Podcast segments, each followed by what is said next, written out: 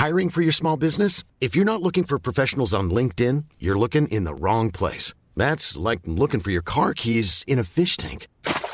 LinkedIn helps you hire professionals you can't find anywhere else, even those who aren't actively searching for a new job but might be open to the perfect role. In a given month, over 70% of LinkedIn users don't even visit other leading job sites. So start looking in the right place. With LinkedIn, you can hire professionals like a professional. Post your free job on linkedin.com/people slash people today. You should celebrate yourself every day, but some days you should celebrate with jewelry. Whether you want to commemorate an unforgettable moment or just bring some added sparkle to your collection, Blue Nile can offer you expert guidance and a wide assortment of jewelry of the highest quality at the best price. Go to BlueNile.com today and experience the ease and convenience of shopping Blue Nile, the original online jeweler since 1999. That's BlueNile.com. BlueNile.com. Hey, I'm Ryan Reynolds. Recently, I asked Mint Mobile's legal team if big wireless companies are allowed to raise prices due to inflation. They said yes. And then when I asked if raising prices technically violates those onerous two year contracts, they said, What the f are you talking about, you insane Hollywood ass? So to recap, we're cutting the price of Mint Unlimited from $30 a month to just $15 a month. Give it a try at mintmobile.com slash switch. $45 upfront for three months plus taxes and fees. Promo rate for new customers for limited time. Unlimited more than 40 gigabytes per month. Slows. Full terms at mintmobile.com.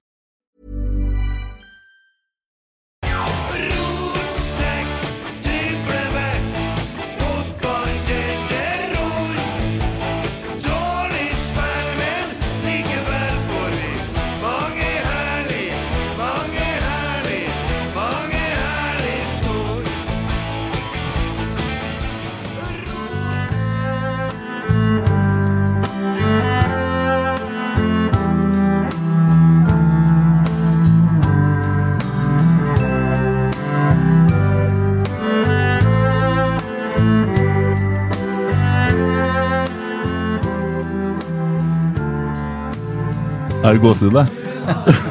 Kjente du igjen den? Ja, jeg har hørt den før. Dere der er en fin fotballsang. Eh, ja, og all ære til Fredrik Vinsnes, Ja, det er han som har skrevet den sangen. Det er det. Ja. Eh, jeg syns det er en av de absolutt beste fotballsangene jeg vet. Så tonalitet og alt det er helt nydelig. Jeg er jo litt inhabil, men jeg syns den er fin, da.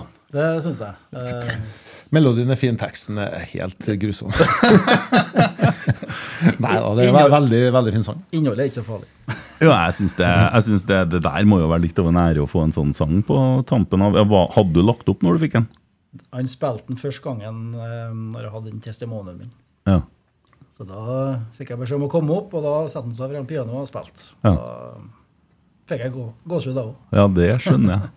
Nei, det, det, det må jo være stort. Jeg syns det er fine toner og fin tekst òg, jeg da, Erik. Nei, da, det er en veldig fin sang, og veldig fortjent at en Roar fikk en sang når han, eh, når han ga seg. Det var vel eh, det var noen kamper igjen etterpå, tror jeg. Det var 2010. Mm. Ja. ja, det var det med husken. det var etter um, Var etter lagt opp? Ja, Ja, på det var. Ålesund okay. eh, siste seriekamp, og så hadde jeg uka etter en testimonial. Ja, stemmer. stemmer. Ja, vi, skulle jo være Erik, Bent og Roar, og så ble det Erik, Kent og Roar fordi at Bent han øh, fikk noe som gjorde at han øh, måtte avstå fra å komme. Og sånt skjer, og det takler vi nå godt. Vi har mye å snakke om, vi. Ja. Ja. Det er synd at han ikke er her. Det er artig at han Ja. Men vi kan gjøre det en gang senere, tenker jeg. Vi tar det på episode 300. Det går fort det med gjengen her, så det blir 100 episoder i året, så det går unna, det. Eh, Det er ingen som har snakka om å frede Trea. Jo, han nevnte det en gang. Han, han gjorde det! Har du forelått det, ja? Nå skjønte jeg hva du mente. nei, nei, du begynte å ta han på teksten i sangen, oh, ja, så nei, tenkte nei, jeg kunne ja, eh, ja. ta en eh, Nei, det, det skal han selvfølgelig ikke. Nei. Nei. Men vi må snakke litt om rotsekkeffekten. Eh, Vi har jo hatt f.eks. Svein Målen som var i rotsekk, fikk seg jobb i Rosenborg. Da Kåre kom i rotsekk, fikk seg jobb i Ranheim. Tror jaggu det tok et døgn heller, så var du ansatt i norsk toppfotball. Var- Den var ikke verst. Nei, det er ikke verst. Jeg sa Samme kvelden som jeg var her, takka jeg faktisk ja. Ja. Uh, I bilen på vei hjem. På vei hjem, ja. Nå hadde du fått gnisten. Da Ser du det, altså? Det var da du gjorde det? Ja, faktisk. Ja. Nei, så hyggelig. Uh, ja, når begynner du i den stillinga? Du, Jeg begynner 1. august, så jeg jobber ut oppsigelsestida i Spektrum. Og så, så har jeg ferie i juli og Ja. begynner da 1. august. Ja. Så det blir spennende. Blir det hjemmekontor, eller blir du boende i Oslo? Eh, kontoret er i Oslo og egentlig litt rundt omkring i landet. Så det blir mye reising. Mm. Ja. til tre overnattinger i uka sånn i snitt, tenker jeg. Så du skal da bidra til denne overgangen eh, fra hvert fall granulat til eventuelt annet underlag i kunstgressbanene?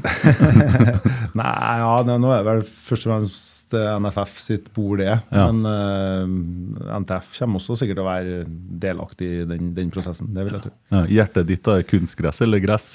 Nei, det er ikke noe tvil om. Nei. Det er kunstgress. Nei da. Nei da, det, det er gress. Og det, det tror jeg alle er enige om også. at Hvis fotball spilles på støkende gressbaner, så er det det beste. Mm. men så ser du i serieåpninga i Norge, og når du ser hvor snadder du er, så, så er det en eh, da, da har de som snakker frem gress, en dårlig sak. Når, du, når du presenterer så dårlige gressbaner som det, med, som det de gjør. Jo, men jeg tror ikke Anders hadde levert noe sånt. Nei, nei også, et, annet, et annet argument for er at når vi får det til her oppe i Trondheim eh, og blir kåra til, til Norges beste bane hvert eneste år, så bør de klare det på, på Vestlandet og Sørlandet og på Østlandet også. Så Ja. det er jo et argument uh, andre veien. da. Men uh, når du ser enkelte baner nå i starten, så, så er det synd at, at man klarer å, å vise fram sånn type baner som er så dårlig. Mm. Ja, uh, Roar, Uh, tøffe tider på brakka? Ja, det Eller Ja, det er jo tøffe tider. Vi har jo ikke fått så mange poeng som vi kunne ha tenkt oss. Så um, det snakkes jo mye rundt omkring. Det er mye forstå seg på det. Ja, det, jeg ser det i hvert fall veldig mange som eh, peker på de problemene, som kanskje noen av problemene er jo åpenbare. Du skal ikke ha fulgt med veldig lenge for å se at Rosenborg ikke fungerer på relasjonene i angrepsspillet. Eh, Det er jo sånne ting som er lett å peke på, eller at man ikke skårer mål, men eh, det er ikke så mange som kommer med løsninger, for det. Nei. Eller noen som prøver seg på det, da. Ja. Eh, Men eh, det er ikke så enkelt bestandig. Det, det som du sier, det handler om noen relasjoner og noe skal funke sammen. Det er elleve stykker der, eh, så det, det kommer ikke av seg sjøl. Nei. Uh, og ser jo så Mange av spillerne som er henta òg det klart du skal, Jeg tror det er åtte nye spillere fra i fjor til nå. Altså fra vi var, var ferdig med, mot Sarpsborg til første kampen i år. da Så er det jo U-landslagsspillere og sånne ting, så det er jo kvalitet, det som er der. Uh, ja, det er gode fotballspillere. Mm. Uh, selvfølgelig har det vært mye lettere å komme inn i et lag hvis laget har funka. Det, Mm. det sier seg sjøl. Men når vi har sletta litt, da, så er det, da er det vanskelig å være god òg, Mm. som enkeltspiller. Mm. men det er gode fotballspillere. Når vi, vi gleder oss når vi får det til å funke. Så skal vi få se hvor, hvor gode de er. Ja, eh, og det, det som på en måte er sånn Det er jo mange som begynner å snakke om at trenerne må gå, det må ditten, det må datten. Og så tenker jeg ja, man, det er jo ei klokke som begynner å tikke. Det må man jo erkjenne. Man skjønner jo det. Altså, det sånn, sånn jeg forstår på en Kjetil òg, så det, det, det kommer jo en dag for at man må jo ha resultat til slutt. Nå skal vi møte Bodø, og så Haugesund hjemme 16. mai. og Det har ikke alltid gått så bra, det heller. Og så Brann borte. Hellige jul. det- Nå er jeg, nå er jeg klump i magen, jeg. og så sitter du da og har vært gjennom det noen gang, du òg. Eh, Ja, vi har jo hatt eh, tunge perioder i Rosenborg tidligere òg. Ja. Eh, det har vi. Eh, så tror jeg også det, når eh, du nevner de tre, tre matchene de skal inn i nå, så tror jeg jo at eh, Akkurat nå så tror jeg Bodø borte og Brann borte f.eks. passer Rosenborg bedre enn kanskje Haugesund hjemme. Det viste de både mot Molde nå i andre seriekamp og også eh, Bodø-Glimt borte i fjor. Eh, der man kan eh, eh, starte en kamp uten å være favoritter, uten å ha noe forventningspress. egentlig Alle regner med at det skal gå til, til helvete. Eh, kan ligge litt lavere i banen og, og, og rett og slett kontre. Det, det, akkurat nå tror jeg det passer Rosenborg bedre. Så selv om du møter noe antatt bedre lag, så trenger ikke det bety at man, man taper kampene. Nei, ikke sant? Men dere har jo sammen stått i perioder som kanskje har vært litt eh, kriseperioder tidligere. Eh, så det, fotballhukommelse er jo sånn gjerne at alt var så mye bedre før, og det var bare fryd og gammen. Det var ikke det under Nils Arne heller.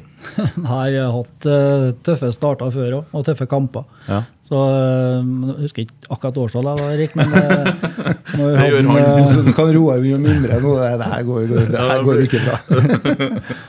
Jeg husker at vi var et år vi sleit skikkelig. Vi var nære på å rykke ned. Uh, 2004, kan det stemme, Erik? Fem. Fem? Det var nære. Det var imponerende, faktisk. Ja. At liksom, vi, vi måtte vinne kampene, for de bak oss vant òg. Og da lå vi nede i sumpa i, langt ut i sesongen. Jeg tror det var bare sånn tre-fire kamper igjen, så lå man eh, ja, nærheten av eh, Ja. under streken, i hvert fall.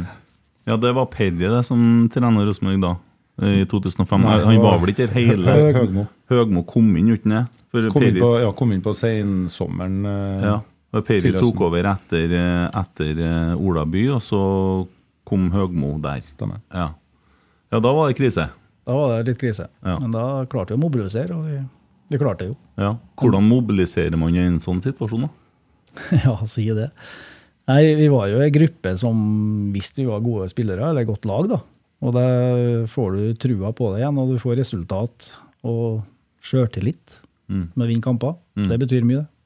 Ja, Jeg snakka litt med en Geir eh, Frigård i dag, og han snakka liksom hvordan man løser det her nå. Så Uh, sier han at det her er det én ting å gjøre, og det er å gi masse kjærlighet og møte dem med kjærlighet og gi dem på en måte den sjøltilliten man kan fra den sida man står. da. Og det gjelder jo omgivelsene òg. Men folk her er jo fryktelig bortskjemt, da, på grunn av dere to, egentlig. Det er dere som har jo skapt den situasjonen her sjøl, skulle ikke ha vunnet så mye før. Nei, Nei det, det er mange som sier det, at største fiende Rosenborg nå er historien. Så folk forventer at du skal spille på samme måte og samme resultatene. Og, men så enkelt er det dessverre ikke. Nei, det er ikke det. Uh, og du har jo opplevd uh, trøkk, eh, ikke bare som trener, men som sportsdirektør. Det var jo litt eh, Hang opp litt bannere og litt sånne ting. Og, eh, ja, hvordan står du i det da, når du på en måte Altså som, som person sjøl, da? Nei, det er selvfølgelig Det er jo ikke noe Ingen ønsker det å bli, bli hengt ut av egne supportere. Eh, supportere som på en måte har eh, ja, hylla, meg som, som spiller, og så kommer det en annen rolle, og så eh, er, det, er det plutselig fienden. Eh, så, men samtidig så eh, eh, Man prøver å tenke, da, tror jeg, i hvert fall i en sånn, eh, en sånn jobb, at det, det handler jo ikke om meg som person, det handler om, om rollen min. Da, og Prøve å skille på de to tingene. Eh, men eh, med, med, det regner jeg, sånn, sånn er det litt i Rosenborg i dag òg, at man, man står sammen på brakka.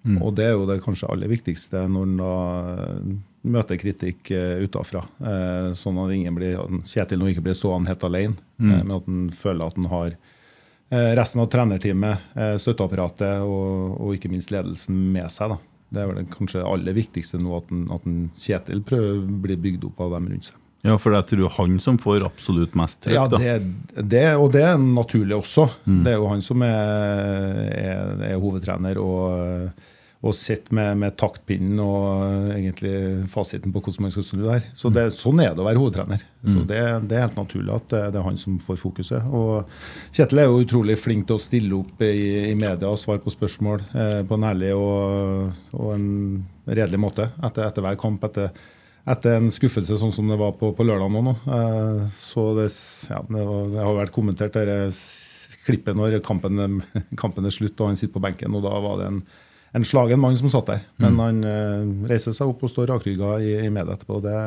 det syns jeg er imponerende. Mm. Men har Rosenborg på en måte investert for mye i for mye potensial og for mye ungt nå? Ja, jeg, Nei, nå, nå er det vanskelig. Jeg, jeg, jeg, jeg er jo ikke på brakka og, Nei, kjenner til diskus, diskusjonene det- som er gjort, og forutsetningene for, eh, for hvorfor man har valgt som man har gjort. Eh, men jeg, jeg, tror det som skiller nå Rosenborg fra, fra de beste lagene i Norge, er at uh, Rosenborg er et, et, et lag med veldig jevne spillere. Det, du mangler på en måte de, de toppene som, som treneren tar ut først på laget hver eneste gang, og som en vet leverer. Eh, sånn som Bodø-Glimt nå har, eh, har Pellegrino, har Vetlesen og har Berg, f.eks. For å nevne tre spillere som er, som er alle landslagsspillere og hakket bedre enn en resten. Mm. de spillerne har ikke Rosenborg nå. Eh, I fjor høst, eh, Tengstedt, eh, og, en Holse i, i bra slag. Da hadde de dem. Men, men nå så er det, syns jeg, da eh, synes jeg det er for, for jevnt. Det er liksom ingen som stikker seg ut. Og det, og det bærer laguttakene preg av også. Man søker, man leter. Eh, man ligger og vurderer Eller man, man sover på lag over natta, for man vet ikke hvilke spillere som skal starte. og Det, det tyder på at det, det er veldig jevnt. Mm. Ja, for jeg tenker da eh, at Uh, man, man har jo på en måte kommet dit at man er mer nå en utviklingsklubb enn hva man var før, i hvert fall. Uh, og så er det, når jeg ser da på en elver, da, hvis du tar en Markus, du har en Erlend og en André, som på en måte er litt sånn bærebjelker, da. Eh, kanskje litt det du sier, det, men som, som er litt mer voksne eller ferdige spillere. Og så kommer det litt vel mange som fortsatt er i et utviklingsstadie. Så alle er jo alltid i utvikling, det skjønner jeg, men uh... Jo, jo da, men samtidig så er det, spørs det litt hvor du har de enerne hen på banen nå. Mm. Eh, Bodø-Glimt f.eks. Har, har matchvinnere. Mm. Eh, mens de spillerne du nevner, har jo en, en, en helt annen rolle i laget. Jo, jo, jo. Eh, så det aller viktigste er å ha, ha matchvinnerne fra, fra midten og foran. da. Ja, og så får man, får man beskjed i dag at Ole Sæter han blir ut lenger. enn eh, Han skulle være med på trening i dag og være med i troppen til Bodø, men sånn blir det ikke, for den skaden den er ikke langt ifra hele ennå og tar ennå eh, litt tid, uvisst hvor mye. Eh, og det er jo så ugunstig som det bare kan være. En Carlo Holse som var operert i fjor etter siste kampen, eller sånn, han har blitt operert på nytt og må være ute i noen uker. Man er litt uheldig her òg. Ja, det har liksom ikke gått veien. Nei. Det har ikke gjort det. Så, men det er derfor vi har litt bredere stall òg, da. Eh, For at vi må ha erstattere. Vi Mm. hadde også mye skader i fjor, og var lite folk på trening. Så prioriteringa har vært å være nok folk på trening òg. Mm. Så mulig at det er derfor vi har så mange jevne. da. Mm. Så, så, og så kommer en også inn i en litt sånn ond sirkel. Da. Jeg, jeg skjønner hvordan de tenker og mekanismene bak der, men når du, når du føler på en måte at, at det er jevnt, man vet ikke hvordan selve som, som gir det beste laget, eh, så blir det som man bytter veldig mye fra ja, i kamp og fra kamp til kamp. Eh, og som en Roar sa i stad, at nå trenger eh, spillerne kjærlighet. Men de trenger også trygghet, tror jeg. da. Så det å få, få, få stå i kampene og, og, og stå kamp etter kamp, det kan kanskje også være sånn en sånn noe som gir trygghet og vil få det, få det, det beste ut av hvert enkelt individ. Mm. Istedenfor at du bruker 18 spillere, så bruker du kanskje 12-13. Mm, jeg skjønner. Eh, og så har det jo vært sagt og påstått Roar, at det ikke er en kampplan eller en plan bak det som Rosenborg holder på med. Men det kan du kanskje avkrefte? ja, ja uh, vi har en plan. Uh, vi trener på det stort sett hver dag, hvordan vi vil eh, ønske å løse det. Mm. Så um, for den som tror at vi ikke har det, må kom, gjerne komme på trening og se hva vi trener på. Uh, ja, vi, vi har ikke fått det til som vi vil, men uh, vi har en plan på det. og om du spiller 3-5-2 eller 3-4-3, så er det Vi vil fremover. Eh, men fotballen har blitt litt annerledes enn det var før. og det, Lagene er veldig flinke til å komme, komme seg på rett side og legge seg. Så vi, det må gå fortere enn det vi har fått til så langt. Mm. Ja, eh, jeg sa jo her en dag at eh, hvis man ser de ti første minuttene mot Brann, så ser man jo kampplanen i den kampen der. Ja, han gjør det. Ja. Men, Aggressivt og høyt, og det går fort. Og vi kommer oss i utgangspunktet to store potensielle sjanser Mm. så, eh, som vi normalt sett skal skåre mål på. Og da kan selvfølgelig kampen bli annerledes, men eh, Brann var bedre enn oss til slutt og tapt fortjent. Ja, ja, det er ikke noen tvil om. Brann var bra i den kampen, og sett dem bra ellers òg, men de fikk det heller ikke til mot Sandefjord. da. Nei, det er flere som ikke fikk til det. Ja. Vi har fått inn ganske mye spørsmål. Det er en som heter Norwegian Scout. Scout han spør skal Rosenborg spille 4-3-3. Nei, det er ikke akkurat nå, i hvert fall. Nei, Hva du tenker om det der formasjonen, som er 4-3-3-mann og har trena Rosenborg i 4-3-3? Eh, Nei, jeg jo Jeg, jeg foretrekker jo 4-3-3, og det er litt med at jeg er sikkert hjernevask av Nils Arne, men jeg, jeg syns jo at det gir det det beste utgangspunktet i forhold til å få til offensiv samhandling. Da. Det, det føler jeg, men det, det er min mening. Og så er det ikke sånn at det er en, en måte å spille på som, eh, som er den eneste veien. Så jeg har stor respekt for dem som velger å spille i en annen, en annen, annen formasjon og en litt annen struktur. Men eh, personlig foretrekker jeg 4-3-3, helt klart. Mm. Og det gjorde jo du òg helt fram til at du møtte Kjetil og Geir i fjor. Og så var du med oppe på kjernen og så fortalte du hvorfor du falt for det som da var tenkt 3-4-3. Mm. For da hadde du noe argument på hva det var som ga fordeler med det spillet. Ja, jeg fikk en oppgave å se litt på det, og jeg kikka jo og tenkte. Eh, og hvis du får 3-4-3 til å funke, så er vi eh, vel så mange inn rundt 16-meteren som 4-3-3. Mm. veldig likt egentlig hvilken måte både rindeløperne og eventuelt kantene kan spille. Mm. Ja. Er det noen som noen gang har tenkt den tanken at hvis man f.eks. spiller 3-4-3, at en Edvard står på venstresida der i den midten, og at en Adrian spiller som en på venstresida på topp? Har det kunnet vært en jævlig god idé? Den innleggs... Skjønner du hva jeg mener? Ja. Å få den offensive kvaliteten til en men litt den defensive til Nedvart. Ja, Kanskje du skal bli trener? Ja, altså det Nei, men jeg bare, det bare slo meg, for det blir liksom enten den ene eller den andre. Men ja, det må da være en mulighet hvor at Adrian kan få konsentrere seg på godfoten sin, som er helt klart offensive. Ja. Han har mye større styrker der, sånn som jeg ser det. Han har en venstrefot han som mange kan misunne, og Ja. innlegg som er helt rå. Så um, vi ønsker å ha Adrian så høyt på banen som mulig, når Mm. det er mulig. Ja. Nei, det var bare, ja, det var bare en tanke jeg hadde. Uh, og så har det kommet et spørsmål fra Christian Oteren til Erik og Bent. Da må jeg svare for den Bent. da. Kent. Ja. Uh, hvor ofte er du på Lerkendal og ser kamp? Eh, jeg var på serieåpninga, ble invitert av uh, Ole Jørstad i Rosenborg-styret og syntes det var veldig artig å være tilbake igjen. Men før det så var det har vært en stund, ja. Mm. Eh, Rotsekkeffekten der, altså. ja, uh, jeg er der hver kamp. Så det kan jeg svare for Bent. Men jeg vet ikke Og hver trening, nesten. Ja. eh, Man må engasjere seg hvis man skal holde på med det her fem timer i uka. Så må man, uh, så må man jo ha noe å snakke om òg, tenker jeg. Da Da kan jeg jo si at det var særs hyggelig å se Olaus tilbake 100 i dag òg. Det var Ja. en positiv ting. Det er positivt. Han har slitt òg i mange måneder. Så Mm. um, nå er han vel så å si frisk, så da er det bare å få han i trening og kampklar etter hvert. Han sier jo sjøl at han bruker ekstremt kort tid på å bli kampklar, han, for han eh, bruker kortere tid enn resten på å komme seg i og bli matchfit. Vi får se på trening hvordan det funker først, tror jeg. Jeg syns han var god i dag. Ja ja, men Ja. eh, du vet hva du får med en Olaus. Ja. Eh, så spør han Tor Georg eh, hvordan utenlandseventyr kunne ha lokka dere bort fra RBK. Var det langt unna å skje den gang da, når dere spilte? da? Har du vært på tur bort? Der vet jeg litt om Napoli. og sånn, Ikke så lenge siden vi snakka om det, og fikk kjeft av Nils Arne etterpå for at du fikk for mye lønn i Rosenborg. Enn du? Jo, jeg var nære, jeg òg. Jeg hadde jo flere muligheter, men eh, nærmeste var Nottingham Forest, faktisk. Ja. Når de var i toppen. Ja. Så, eh, ellers så var det annet mye interesse, da, men det, jeg hadde så lange kontrakter. Jeg lå på sånn fire-femårskontrakter hele tida, så eh, det ble sikkert for dyr. Jaha. Men eh, for, for, for meg så virka du som en som alltid ville være i Rosenborg når du var her.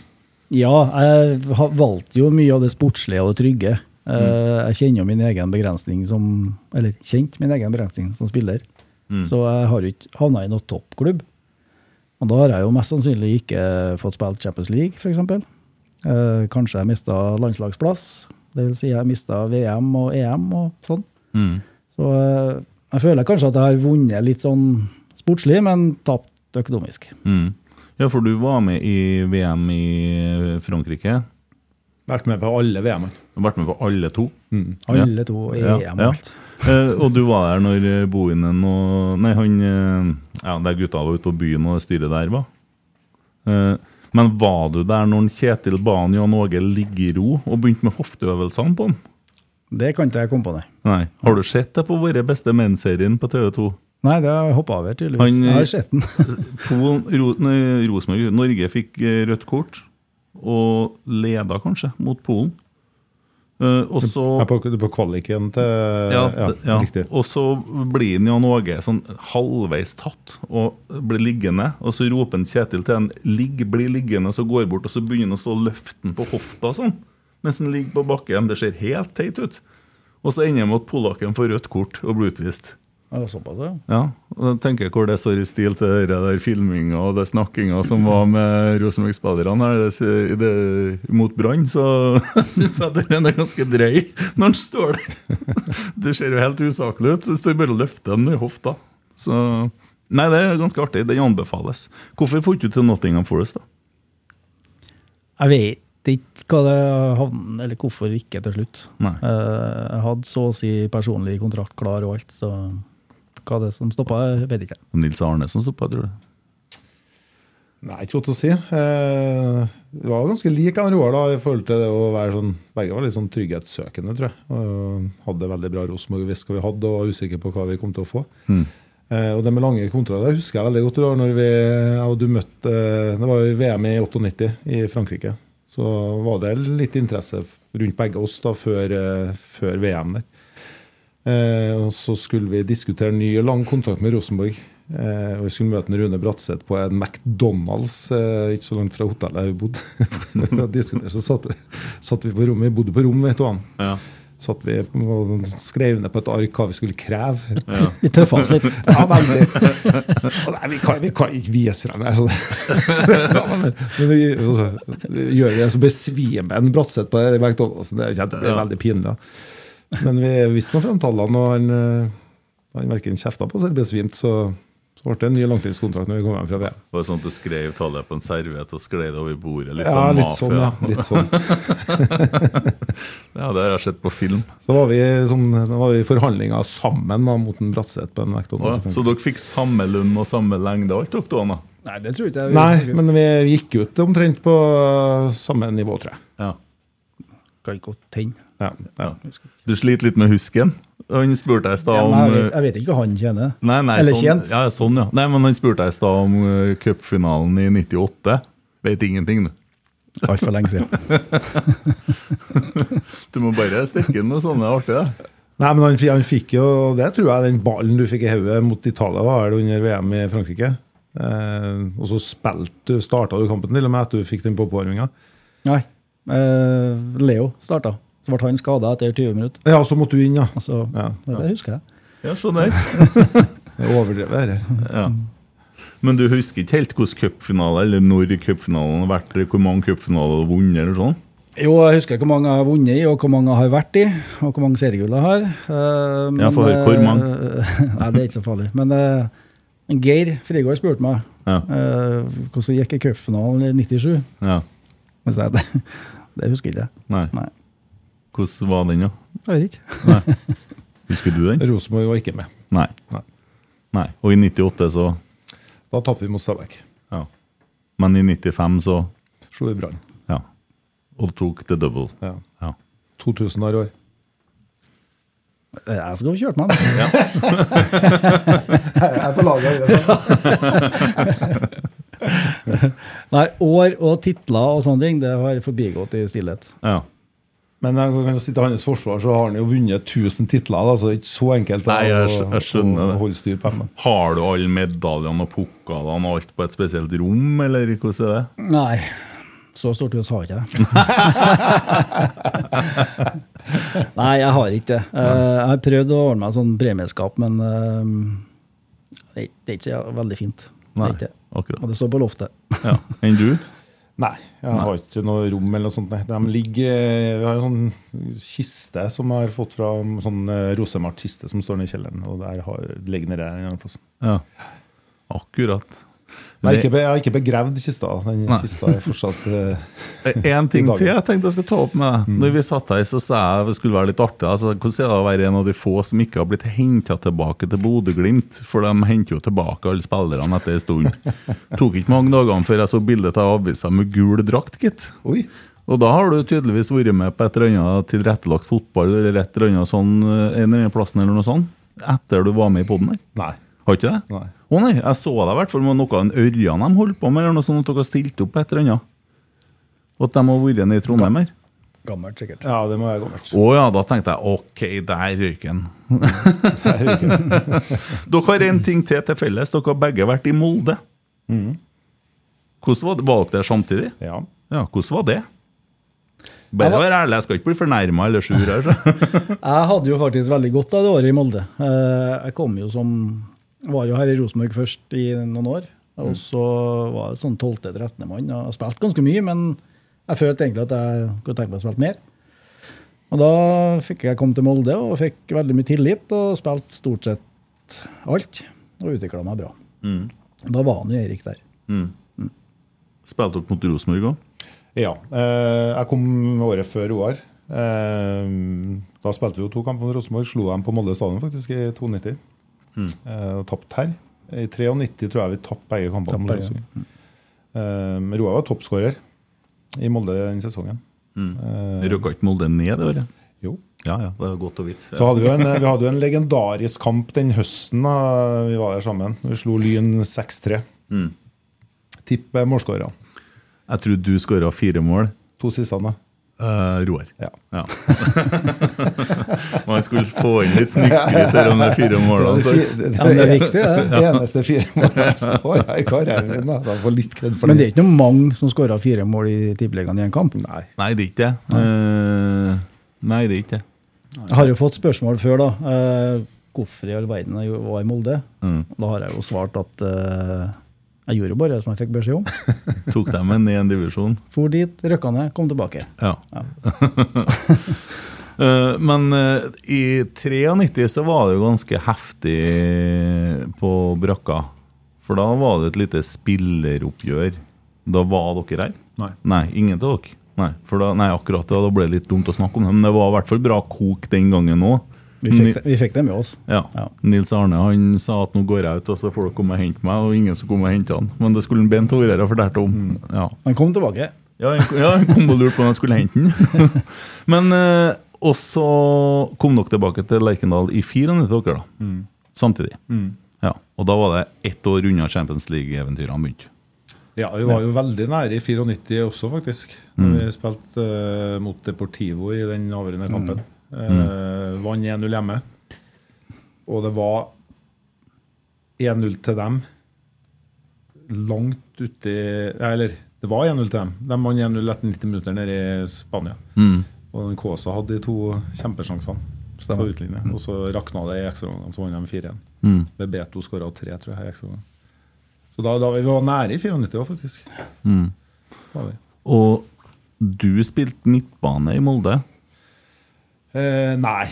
Egentlig ikke. Jeg spilte eh, mest høyreback, Ja, faktisk. Ja. Og så spilte vi også 3-5-2 i Molde i perioder. Ja. Eh, og da spilte jeg, tro det eller ei, høyre kant. Ja. Flirende. Det var ikke, akkurat- det var ikke akkurat noe virvelvind. for å si det. Det er derfor ikke noe sansen for 352 i dag. Rosenborg spilte 3-5-2 i 1991, sa han Gøran til meg i dag. Ok. Mm. Nils Arne spilte 3-5-2 i 91. Jeg tror ikke han spilte i hele sesongen, for da ville veldig mange ha fått det med seg. Men han, eh, jeg vet, jeg leste jo boka hans at han drev og eksperimenterte litt og prøvde litt. Det var jo litt i frustrasjonen over Europa og litt sånne ting òg. Men han var ikke fremmed for andre tallkombinasjoner. Man landa ganske tydelig på én, da. Ja. Eh, Men vi skal ikke gjøre det til en sånn evinnelig diskusjon om 4-3-3. Eh, drit i hva vi spiller, bare vi begynner å vinne snart. Eh, skal vi se uh, Ja, eh, spørsmål til Erik og Bent. Noen spørsmål om nei, Noen ønsker om en trenerkarriere? Uh, ja, nå, nå har jeg vært trener og smakt på det, og det var veldig givende, det, syns jeg. Det ga meg mye. Så om jeg kommer tilbake som trener en gang igjen, det, det vet jeg ikke. Kanskje, kanskje ikke. Mm. Svaret for en Bent er nei. Jeg tror ikke det var helt rett. Ja, han har jo vært trener, Bent òg. Ja, han var jo på- på um, kalle akademiet tidlig. Mm. Jeg tror han koser seg veldig med stolene sine. Det tror jeg òg. Ja. Han, Jeg tror han har det veldig fint. Bent har det fint. Men han, eh, han skulle ha vært trener. Ja. For Bent, eh, i Bent bor det mye. Ja. Gjør det. Eh, Der er mye fotballkunnskap. Mm. Så der har vi gått glipp av en god trener, tror jeg. ja. Du får eh, ta deg en prat med han. Nå er han for altfor gammel. Mm. Uh, Marius Vangen, Roar, hvor lyst har du egentlig til at Rosenborg skal spille 4-3-3? Nei, Jeg svarte jo litt på det i sted, da, at jeg syns at 3-4-3 kan være vel så bra. mm. En 3-5-2. Det er jo bra når vi skal ligge litt bakpå. Mm. Det var ingen som klaga på det i perioder i fjor, i hvert fall. Hørte ikke en Eh, lyd heller. Nei, Hjemmesesongen var vel en av de bedre vi har hatt. Det stemmer nok, det. Ja. Eh, og da var det vel da det vi kan kalle artig angrepssidig fotball. I perioder, ja. Mm. Eh, Det gikk veldig fort. Eh, Vi har jo kikka litt på video fra i fjor òg. Det, det er ikke noe mange touch og mange sekunder fra vi vinner ball på egen 16 til vi ballen ligger i mål. Enkelte kam- kamper. Mm. Eh, tilbake til det vi snakka om i stad, også fra Marius Vangen. Eh, Erik, hvis Kåre får tilbud om å ta over som hovedtrener igjen en gang innen noen år, hadde du da stilt opp som assistent på nytt? Ble, det ble veldig hypotetisk. Eh, Jeg trivdes veldig godt å jobbe sammen med Kåre. Så at vi kanskje gjør noe sammen en eller annen gang i framtida. Kanskje, kanskje ikke. Følger du med en eh, på Ranheim nå, eller? Ja, jeg følger med Ranheim også. Ja. Det gjør jeg. Og det er veldig artig at eh, de har fått en så god start på sesongen, syns jeg. Mm. Ja, eh, ja, det har de jo. De leder jo serien. Eh, Kåre var jo med i den podkasten som heter Driblevekk, som må sendes fra studio her eh, på Nettavisa og nå Nidaros. Jeg syns det var veldig hyggelig å høre den Kåre i godt gammelt slag. Han eh, sprudler litt sånn som vi så han eh, før i tida. Eh, det er litt, uh, syns jeg er fint. Uh, Torsdagsbikkja han er magisk. Han har altså sånn innsikt i ting at det er ingen som fatter og begriper hvem han fyren er, og hvordan han vet alt. Men han gjør det. Og nå skal du høre, Roar. Rune Finnerud sa en gang at du var en av de største ledertalentene Felleskjøpet hadde sett. Hva gikk galt, og hva tror du Rune sydde som dine ferdigheter på kassasystemet? ja vel. jo da, eh, det var mens jeg var aktiv spiller, det at jeg jobba litt på Felleskjøpet på Klett. Det var meninga at jeg skulle ta over den. Ja. Men uh, spill fotball og jobb. Ferjene fra Bergen klokka tolv om natta og på jobb klokka sju om morgenen. Og trening etter det igjen, det gikk ikke. Nei. Hadde du sett for deg at du skulle bli fotballtrener i Rosenborg for eh, to år siden? Nei, det hadde jeg ikke. Eh, Da jeg la opp òg, så var det ikke helt det var ikke aktuelt å være trener i det hele tatt. Nei. Så hadde jeg opphold fra fotballen en del år og var med litt inn i Melhus. Og fikk muligheten på akademiet, og da tente en gnist. Ja. Eh, ja, så var du gjennom samtaler da med Kjetil og Geir. Det var jo flere som var i de samtalene, og så ble du foretrukket. Litt for å balansere ut uh, litt av det galskapen Kjetil Herpen må, kanskje. litt annen person enn hva dem er. Ja, eh, ja, jeg tror nok jeg ble valgt litt pga. det. Eh, for det, det er høye diskusjoner og fine det, Ikke kranglinger, men høylytte diskusjoner. Mm. Og eh, jeg er jo den som kanskje er litt rolig typen. Eh, så jeg tror det er greit å ha litt blanding. Mm. Ja, jeg òg tror det at de leter etter en liten motpol til seg sjøl. og de er jo på en måte to motpoler innimellom, sånn som jeg opplever det. Ja, det er det nok. Ja. Men hva syns du om dem da, som personer og trenere? Altså, sånn, øh, jeg mener, Det er vanskelig for deg å svare noe annet, men sånn faglig og sånne ting, du har jo blitt godt kjent med dem. Skal jeg være ærlig nå, eller skal jeg Ja? Være 100% ærlig. uh, jeg liker dem veldig godt. Mm. Uh, Jeg kjente dem litt fra før. Så Jeg har jo spilt sammen med Kjetil litt, og Geir har jeg jo truffet opp gjennom årene. Eh, Men det var helt andre personligheter enn jeg så for meg. Mm. Eh, mange mener at Kjetil er så streng og fyrer seg opp hele tida, men han, han finnes jo ikke streng. Så han er litt for snill, etter, etter min mening. Mm. Så eh, Nei, ikke for snill, men han er, han er en bra pedagog. Mm. Og Geir er veldig flink til å utfordre. Så det er et bra team. Mm. Jeg så synes jeg det ser ut som Geir og er ekstremt flink med guttene. og liksom, Du ser dere går og har mye én-til-én-coaching, og det, det er jo justeringer hele tida. Sånn. Jeg tror det er sånn Jeg ser for meg at det er ekstra høy kvalitet på det som foregår på akkurat det utviklingsbiten. da. Vi har helt sikkert mye å lære, vi òg. Mm. helt klart. Men eh, jeg føler at det, det er jo, Geir kjører mye av øktene, selv, om Kjetil tar det, mye av det taktiske. Så mm.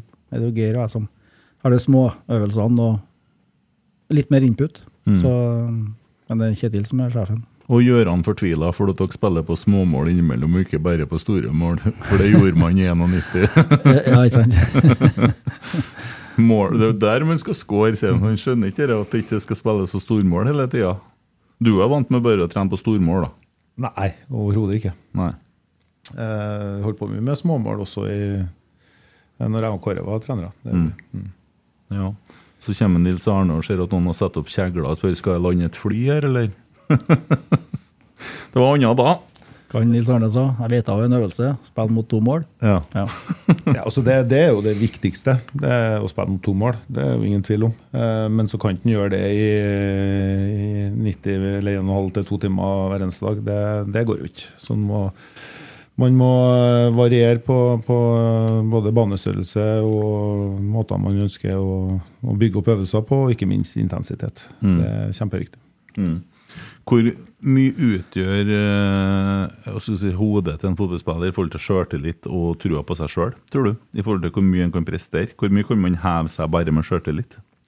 Nei, det, det er jo veldig sammensatt. da. Det, det er jo, jeg bruker å si at det består av eh, teknisk, taktisk, eh, fysisk og mental del. da. Eh, men som, hvor, mye prosent hver del teller i helheten, det, det er vel ingen som har funnet ut. Men det er klart den mentale biten er jo, er jo kjempeviktig. og nå har vi jo to, eh, to unge, ganske gode fotballspillere i, i England eh, fra Norge.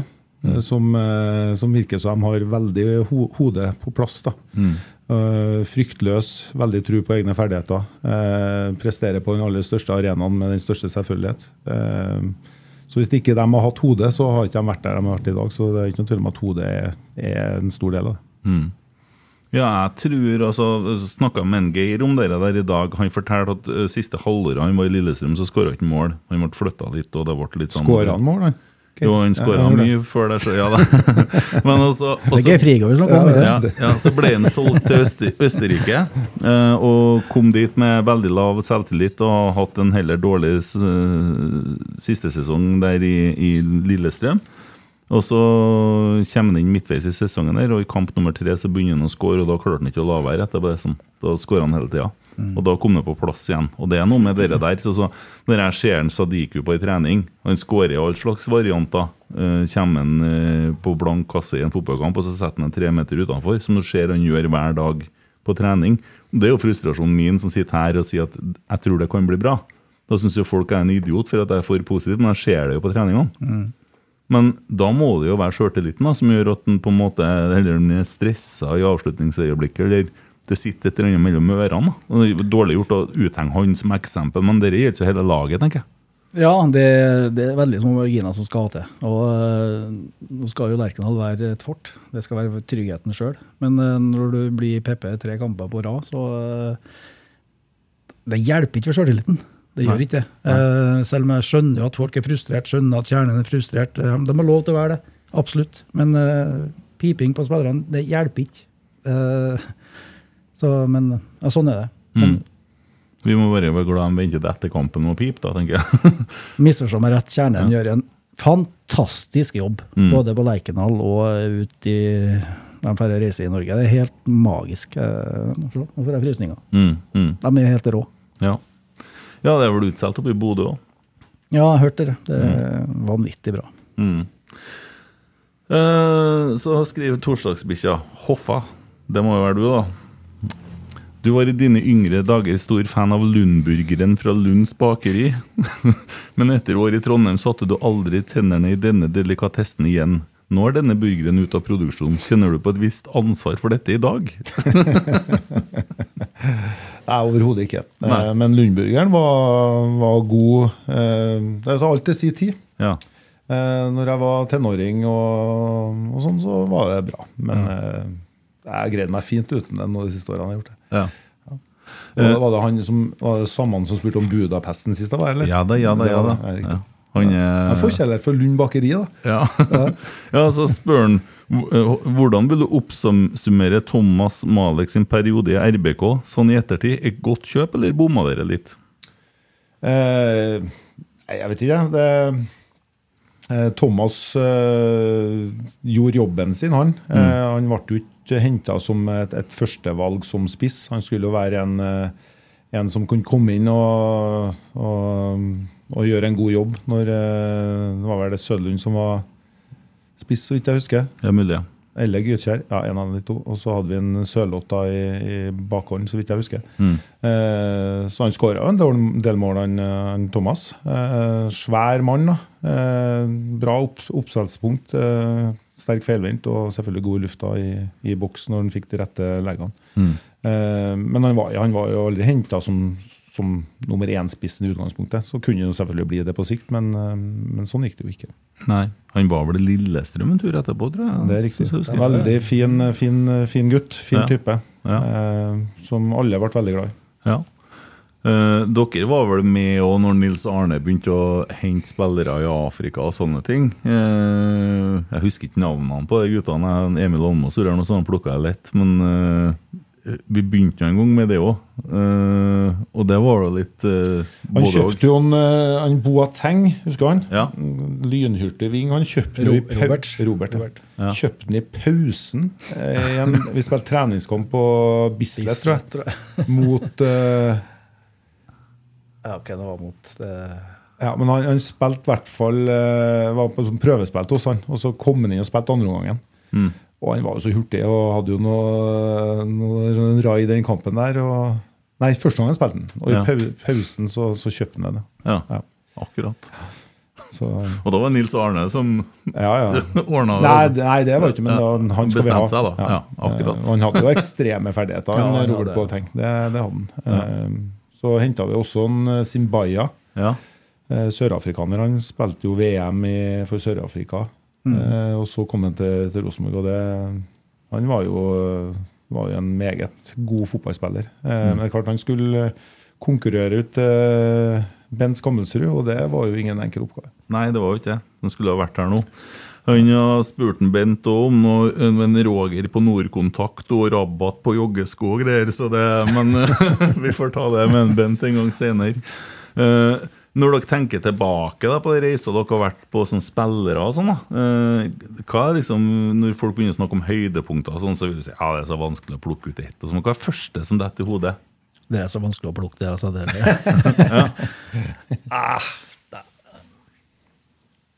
Nei, det, det er mange, altså. Ja. Det, vi er så privilegerte som har vært med på det her at uh, Vanskelig å komme utenom Dortmund borte. Mm. Uh, Valencia borte. Uh, Atletico Madrid borte.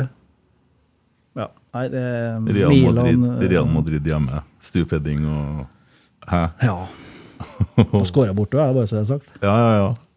Men det er stupheadinga mot Real Madrid. Det, det er så bra, det. Jeg bodde jo i Namsos. Vi kjører til, til Trondheim. Vi forventa å vinne. Vi vant som om det var en selvfølge, og kjørte med at vunnet på oddsen.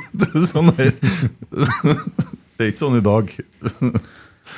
Men dere var jo ikke bare i kampene, dere var jo i bussen og overalt, og det skjedde jo mye annet òg. Sånne minner. Så skulle du ha mikrofon, eller? Nei da, det gjorde det jo. Eh, Så jeg skal ta, ta mine høydepunkter, eller sånne enkeltkamper. Eh, så må jeg ta med Milan borte, selvfølgelig. Eh, og det var den, den største overraskelsen også for oss, tror jeg. At vi slo Milan den, ja.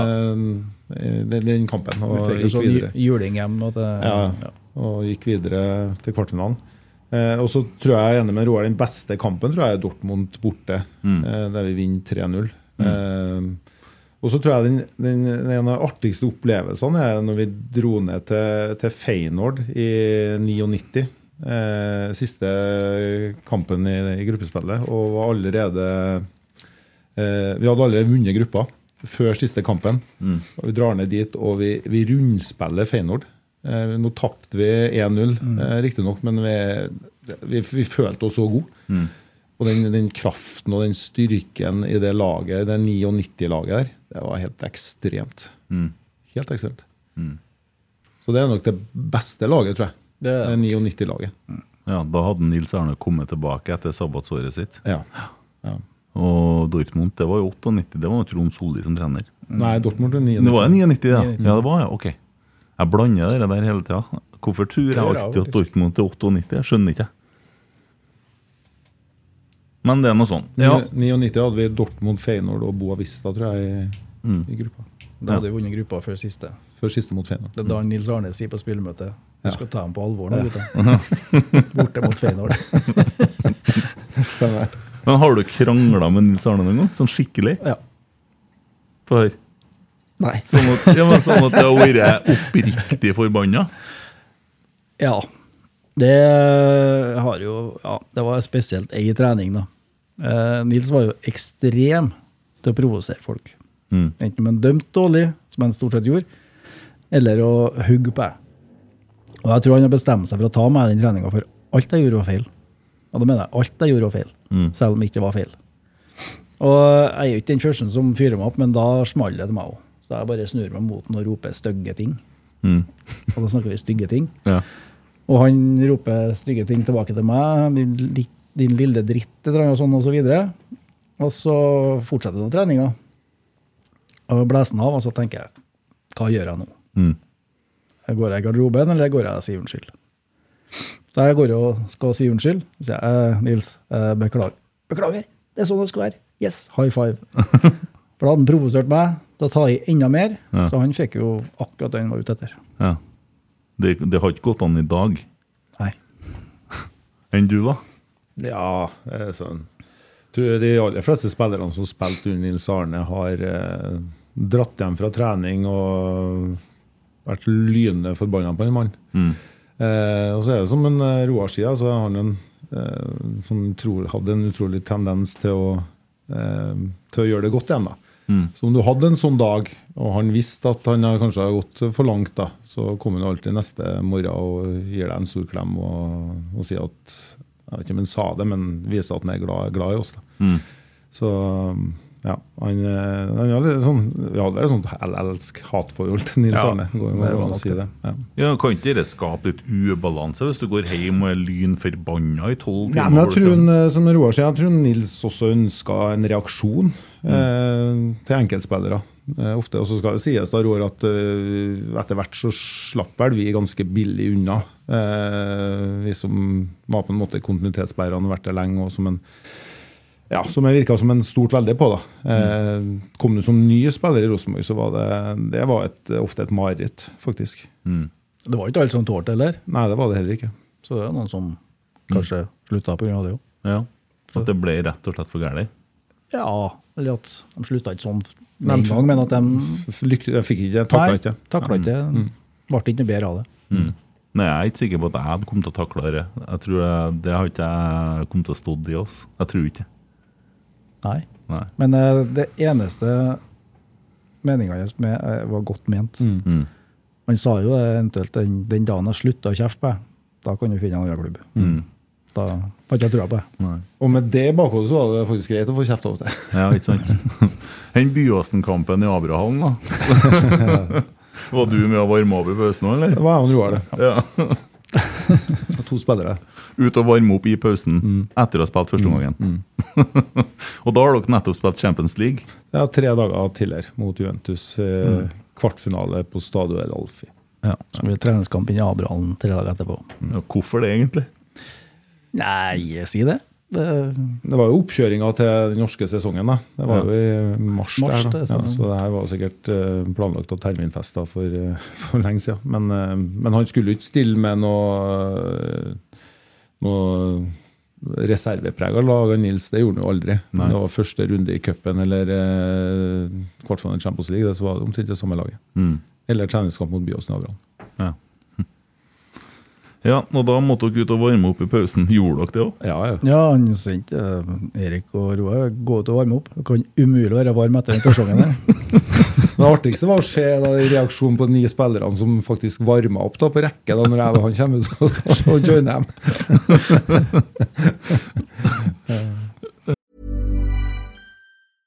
Ready to pop the question?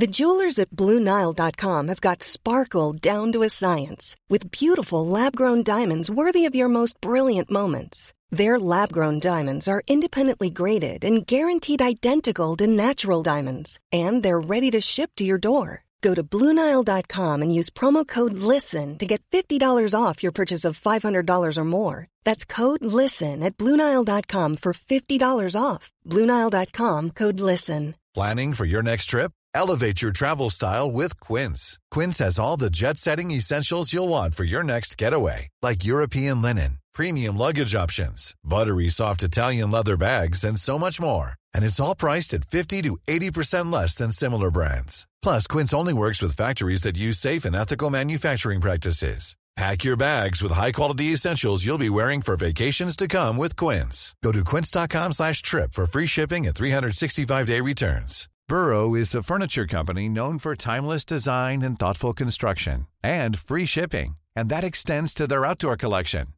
Their outdoor furniture is built to withstand the elements, featuring rust-proof stainless steel hardware, weather-ready teak, and quick-dry foam cushions.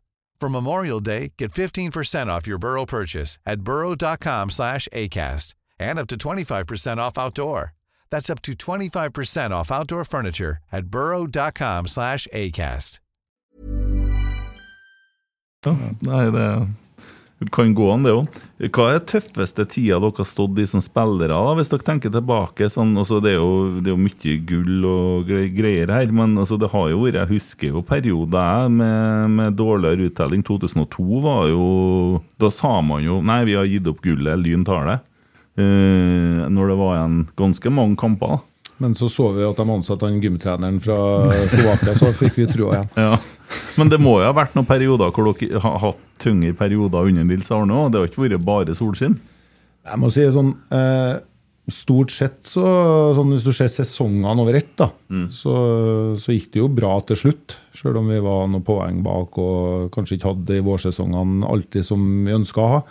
Eh, men vi har jo noen bortekamper i Europa eh, opp gjennom årene som er ganske stygge, da. Det, det må jeg si. Eh, så man har jo en tendens til å huske at Husk de gode kampene som vi snakker om her, med Real Madrid og Milan og Dortmund og sånn, men eh, vi har hatt noen turer ut i Europa og fått rundhjuling. Så det var ikke like artig å, å sitte i bussen på vei tilbake til, til hotellet etter de kampene og være et døgn med Nils eh, først på middagen, så på frokosten og så på turen hjem.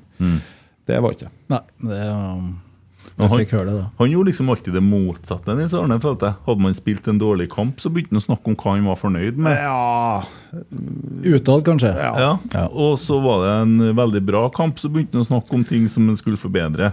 Det var liksom intervjuene etter kampene der. Jo da, men uh, vi ble eh, tatt uh, hardt og tøft uh, når vi ikke presterte. ja. Det, Ja. det ble det. Jeg husker en, det var mot Hødd i, i cupen, borte mot Hødd i Ulsteinvik. Eh, eh, nå husker ikke jeg året, Roar, kanskje du tar det? Jeg tror jeg husker at de tapte 2 igjen. i hvert fall. Nei, eh, vi tapte straffespark. Sp- Så gikk det straffesparkkonkurranse. Okay.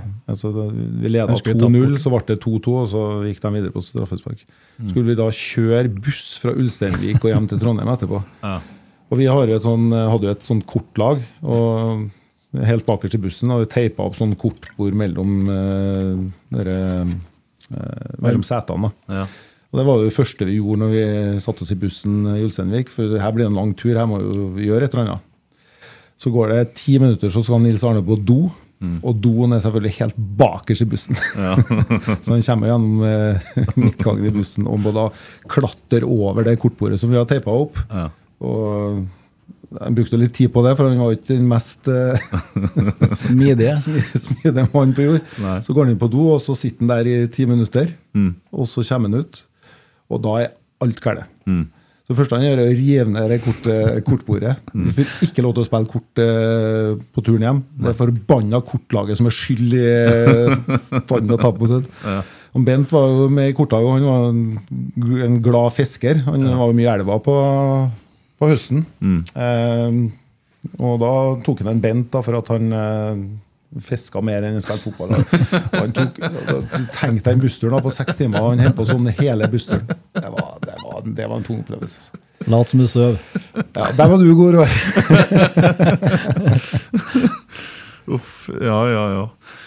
Nei, men det er jo artig å tenke tilbake på det òg. Det er jo gjerne sånn nå. Eh, så når folk da går bort, og vi tenker tilbake på dem, så er jo ikke liksom Det er jo gjerne det særegenhetene og det som på en måte kommer frem, og det artige historiene, og kanskje noen av feilene man gjorde, eller sånne ting, som på en måte blir det som gjerne skaper latter og gode minner. Nei, det, det er jo sånn å Vi var nå var nå besøkt Nils Arne en gang en del ganger inn til, til Orkdalen eh, de siste åra av hans liv, og da dro vi jo ofte opp til historiene her, da, og da flirer han godt. Ja. Ja.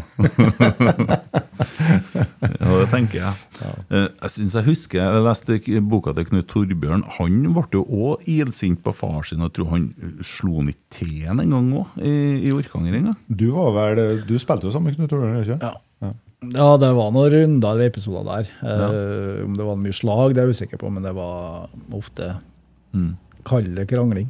Ja. Ikke bare diskusjoner, men krangling. Ja, Så, han, eh, han skriver at han sprang ut av hallen, og faren kom etterpå og tok rundt den, og så var alt greit igjen etterpå. Ja, ja, det, det er jo det som var bra med Nils, at det var fort ferdig med ting. Ja. Oi, oi, oi. Eh, skal vi se. Matt Duck kan spørre dere tidligere fotballspillere sier at fotball har endret seg, og at spillet går hurtigere nå enn før. Er det ikke da viktigere å terpe og øve og terpe på bevegelser, angrepsspill og offensiv samhandling nå enn tidligere? Jeg tror ikke det er noe viktigere. Eh, Vi trente jo en del eh, samhandling vi òg, foran hver kamp. Mye? Ja, mye. Det er kjedsommelige, egentlig. Så, eh, og det gjør vi i dag, f.eks. på trening, så hadde vi en del offensivt. Så mm. ja. Om du trener, trener mer i dag enn du gjorde før, det tror jeg ikke. Nei. Eh, PK, hvor god var Jon Carew når han var i Rosenborg? Er han det største talentet dere har spilt med? Eh, I hvert fall den spilleren med de, de mest ekstreme fysiske forutsetningene. Det var, Jeg spilte jo mot Jon ofte på trening, eh, heldigvis bare på trening. Og det var, det var 100 kg med muskler. altså. Og så hadde han eh, en ekstrem toppfart i Oi. Skal du ta den? Vent litt. Sett på høyttaler. Sjefen ringer! Ekstrem fart, fart i tillegg. Eh, så Ja, så han det året han var til oss, og spesielt i, i de Champions League-kampene, var litt innpå i stad mot, eh, mot Dortmund, spilte mot Jørgen, Jørgen ja. Kohler, blant annet, som var da sett på som kanskje den beste defensive midtstopperen i, i fotballen på den tida. Og han hadde ikke mulighet mot Nyon. Han hadde ikke sjans. Men Vi ser jo en som uh, spiller ofte spiss på Rosenborg i dag, som òg har veldig mye muskler. Uh, Nisak. Jeg syns han blir veldig ofte bortdømt, og så ser det ut som de dømmer på alt mot han. Er det fordi at han, han er jo sterk? altså Så jo tidlig på Gran Canaria, han fløy datt jo som flua rundt han i duellene. Eh, men jeg syns jo at han blir blest på veldig mye.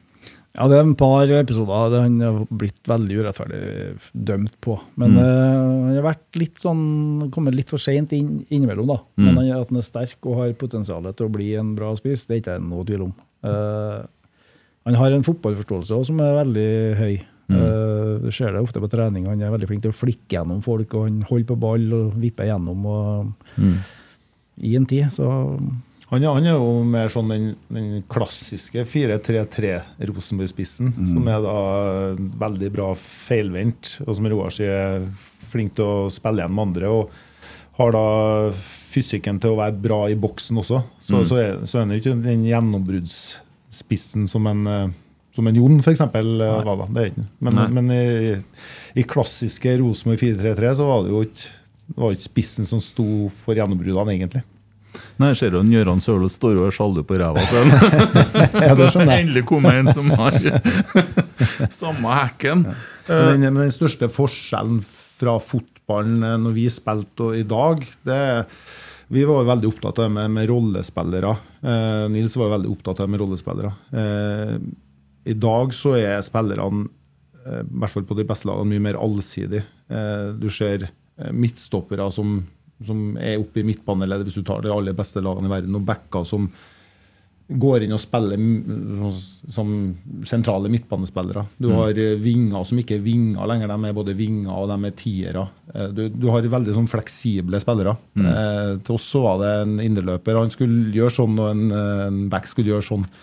Mens i dag så er du, du, mye- du er mye mer komplett som, som spiller Ja. på, på, de, på de beste lagene. Ja, så lever dem jo så Ronaldo som nekta å drikke cola på pressekonferansen. Er sånn søv Ja, og så ser du når de tar av seg bar overkropp, Det er toppspillerne i dag. Tenk når jeg og Roar gjorde det.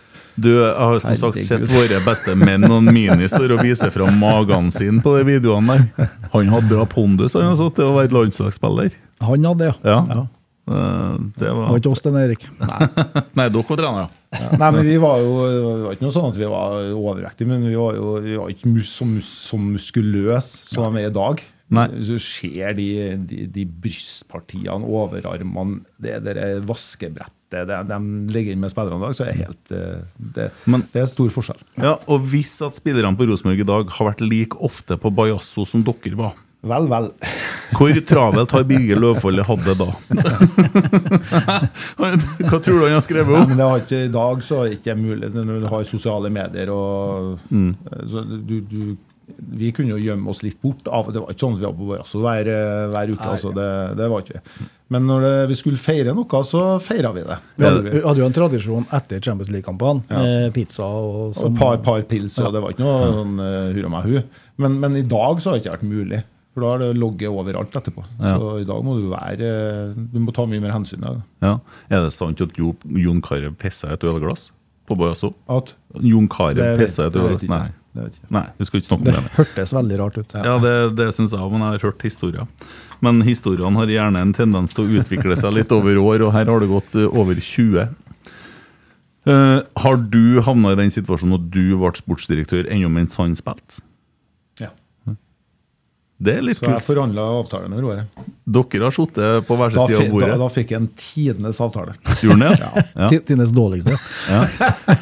Men når du da skal legge opp, så er det han du går og snakker med, så at nå tror jeg det er slutt. Nei, det var han som sa 'nå slutter du', sånn. Eh, Roar, var, var, du, var du passert 40, eller? Ja, jeg ble nesten 41, Ja, men da var det faktisk hjertet som Ja, det var det. eh, Ja. sa stopp. Det tenkte jeg skulle spørre deg litt om òg, det hjertesaken din. Det, vi snakka jo om det her en dag på treninga, for at vi snakka om den filmen som de laga om deg, 'Min siste kamp', mot Ålesund. Tok ikke så mange dagene etter det for du lå på St. Olav? Nei, det gjorde ikke det. jeg hadde jo, hadde jo slettet hele det året der. Eh, Jeg hadde jo aldri trent så mye som jeg gjorde da, men formen gikk jo bare nedover. Så vi leita, kan du si, i mange måneder, men vi, vi leita ikke helt rett. Så til slutt så kom det, seg- kom det sjøl. Så det var ikke noe tvil. Hva det var for noe med hjertet? Det var ei åre som var nesten tett. Ja. Eh, av årene som går inn mot hjertet. ja. Som gir oksygen og god pust. Så der måtte jeg inn og stente. Nå er det mange som hører på som blir bekymra, for når han som trener så mye, får feil med hjertet, da, da kan det skje hvem som helst. Det kan skje hvem som helst. Ja. Men, men altså, du merka det bare på at formen ble dårligere? Ja. Ja. Så eh, til slutt så klarte jeg mer. Eh, Etter sånne fire mot fire-treninger så sto jeg på knær og brekte meg og fikk nesten ikke pust. Så Ja. jeg hadde en liten tendens til å presse meg litt mye. Ja. Men, og det er jo farlig òg hvis du har tette blodårer, for da kan det jo virkelig gå galt. Ja, for å si det sånn, jeg har ikke trent hvis jeg har gjesta det. Nei. Nei.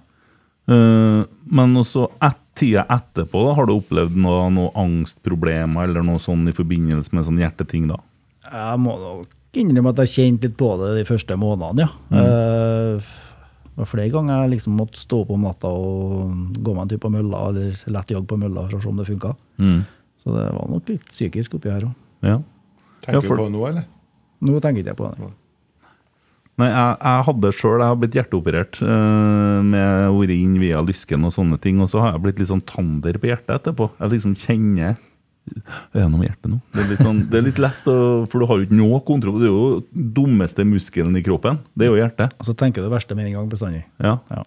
Nei, det var litt sånn en periode, men eh, den det er forbigått. Ja, og det som er da, at hvis du begynner å stresse med det, så kan du få en sånn angstlignende tilstand som setter seg ganske nært hjertet. Og da misforstår du og tror at det er hjertet, sant? og så har du den der, der sirkelen der, og det, den er kjip å komme inn i. Og det er det noen som gjør også. Jeg var nå på flere kontroller inne på sykehuset der jeg trodde det var noe galt. Mm.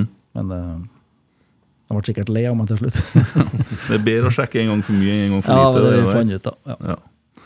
Så det har vi jo sett uh, mange eksempler på. Uh, Eivind spør eh, Eller du forresten, PK spør om dere kunne nevne noen andre talent fra RBK-tida, om dere kommer på noen. Vi snakka om Jon Carew i stad. Ja, nei, vi, jeg var så heldig å spille sammen med Bent og Roar i alle år. da.